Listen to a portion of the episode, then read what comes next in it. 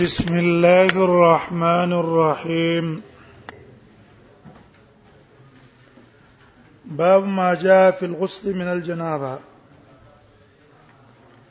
باب د بیان د هغه حدیثو کې راغلي دي بیان د کیفیت د لمبلو د جنابت نه اوس دې کې کیفیت بیان نه چې یو سړی باندې غسل واوختو د لمبا کیفیت او طریقه څه ده هغه بیان نه هغه اوس پورې او داس کیفیت بیان کو اوس د لمبا کیفیت بیان نه به د کیفیت د لمبا په باره کې دوا د سن راغلي یو حدیث ته د عائشه رضی الله عنها د عائشه رضی الله عنها روایت کړي دي چې رسول الله صلی الله علیه وسلم پوره او د سکړه توزع وضوءه للصلاه پوره او د سکړه بل حدیث ته د میمونی رضی الله عنها په هغه کې دي چې رسول الله صلی الله علیه وسلم او د سکو خو اخر کې چې خپې پاتې شوې خپې وینځ پرې کوستره سر ته چراوڅې دو او به راواړول او به اتمام کړه ده بیروس په اخر کې خپې انځلې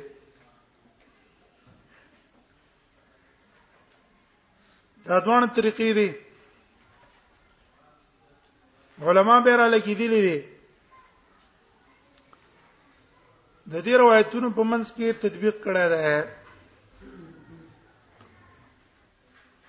تطبیق سو خورا لګیدل ده حدیث د عائشه له ترجیح ور کړه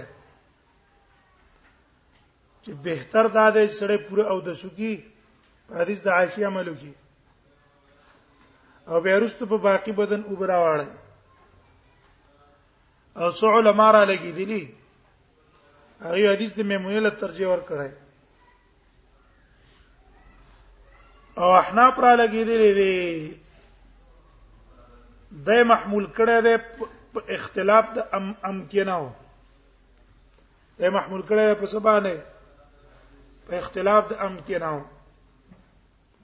وای کده چې ځکه کلام به التا وبني ساری کی اوزیل کمن تاسو څخه خانو کلام بو وبچ کم په ځان راچو استعمال وبلان دي په دې کې پورا او د سکول په کار دي عملا به حدیث عائشه او که سړی په داسې ځای کې لامبي الته د وبو ته سکیږي وبنه اوزي ساريږي وبې ساريږي وزینا نو الته ولا پکار ده دي چې د خپې پری دي وجه دا ده چې هغه وبخوي مستعمل وب د خپل سره لګي کنه په اخر کې چې دا غزینه جدا شو به د خپې وینځي حدیث د میمونی په هغه باندې محمول کړه نو قال وبي قال حدثنا ناد قال سنا وكيان العمش عن سعد بن ابي الجاد عن قريب عن ابن عباس عن خالته ميمونه ابن عباس د خپل ترور نه روایت کی چې ميمونه ده قال تغوای وزعت للنبي صلى الله عليه وسلم غسلا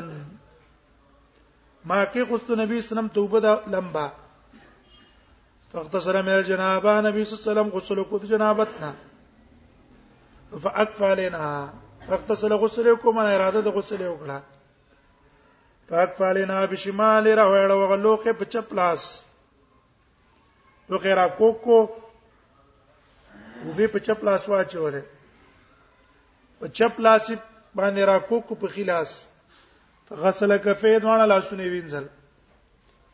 ثم ادخل يده في الاناء به ورنه استلاس خپل فن نه په لوخي کې لوخي کې لاس نه استلو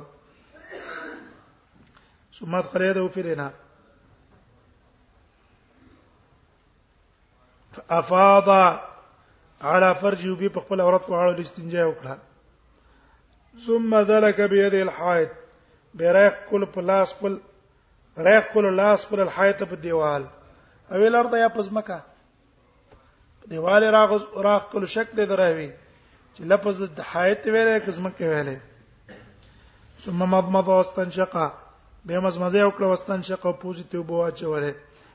وغسل وجهه ذراعه مخې وینځل ولې چې وینځلې فافاض على راسي ثلاثه راوړل په سر باندې ثلاث اندرې کرته ثم افاض على سائر جسده بیر او بیر راوړل په باقی بدن ثم تنحى فغسل رجله پهلر شو دا غزین نو خپې وینځلې قال ابو سعيد ازادي سنن سنن صحيح په دې باب کې د مسلمي روایت تم دی جابر ربي سعيد جبير ابن مطعم ابي هريره ډونه نقل لري زدا عائشه روایت هم راوړي انا عائشه قالت كان رسول الله صلى الله عليه وسلم اذا اراد ان يقتصر من الجنابه کله به چراته او کچ رسول الله صلی الله علیه وسلم اولام به جنابت نه بدا شروع به کو نو یغسل یده یا بغسل یده بلان انزلوا د لاسونو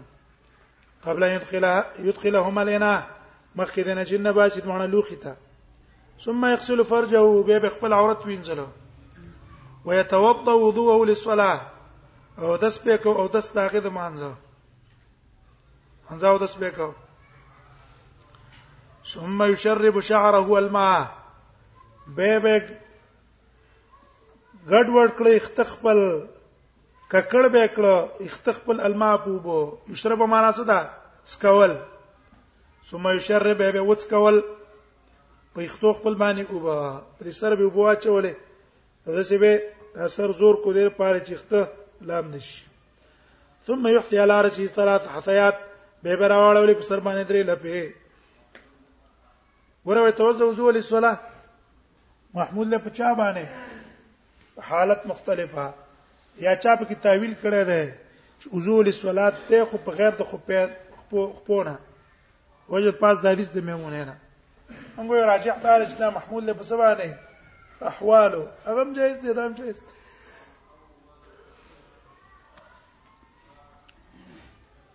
قال ابو اسحاق یا زادی سن حسن صحیح دا حدیث حسن دی صحیح دی او هاذا الذي اختاره اهل العلم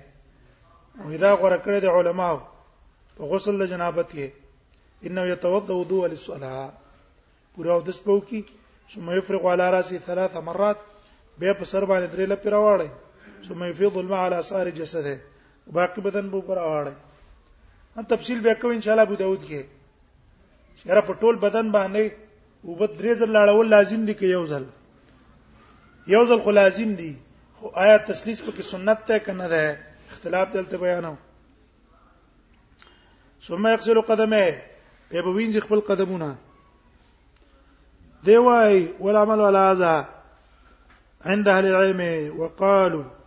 هان دایمه ان غمسل جنوب فی الماء که جنوب سره په بو کې غوپش ولم يتوضا او سره د سونه کو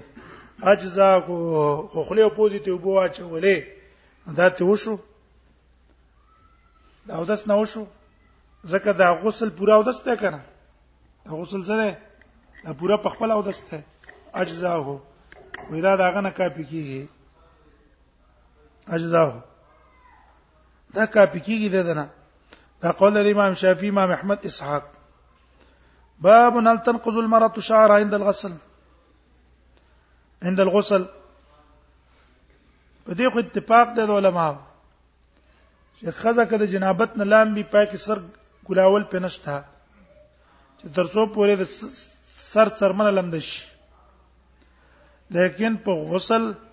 د حیض یا د نفاس کې په کوچی کلاول شته کنه شته اختلافي مسله د علماو منځ کې جمهور علما په نسبت باندې پاکه هم نشته دویم قول له چې پای کې شته کولاوي به د اسحاق او داوود ظاهری او د دې دا قول ده او روایت ته د امام احمد نه هم ویلې وی حدیث کې راغلی دی عائشه رضی الله عنها ته نبی صلی الله علیه وسلم ویله چې ته احرام تړې نو فقط سلی وم تشیتی ولا مبصر دې ګمنس کا نو چې ګوره غسل د احرام د پاره چې طهارت نه ده حیث کې احرام د پاره غسل کاو نو ته شرط ولګو چې امتشاط وکا نو په نور کې به څه کوي طریقه ولا کوي دغه مسله ده باب وبي قال سنة ابن عمر قال سنة سفيان عن أيوب ابن موسى عن المقبرين عبد الله بن رافع عن أم سلمة قالت قلت يا رسول الله إني امرأة أشد ظفر رأسي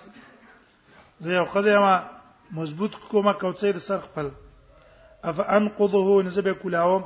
د غسل جنابه د پاره د غسل د جنابت قال لا نبی سمعنا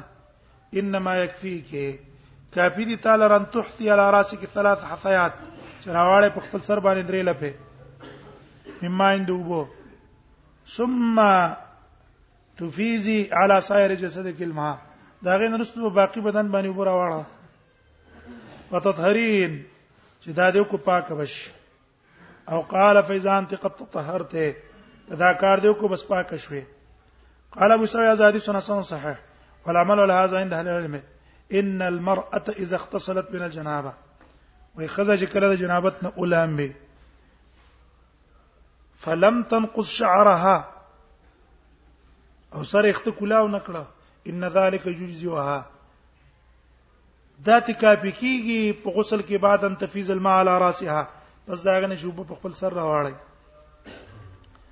باو ما جاء ان تحت كل شعره جنابه بعد بیان دي کې چې هر اختلام د جنابت ته یو نه سویله په کار دی چې هغه پوره سر وینځي کمزې ته وچ پاتې نشي وبي قال انس بن علي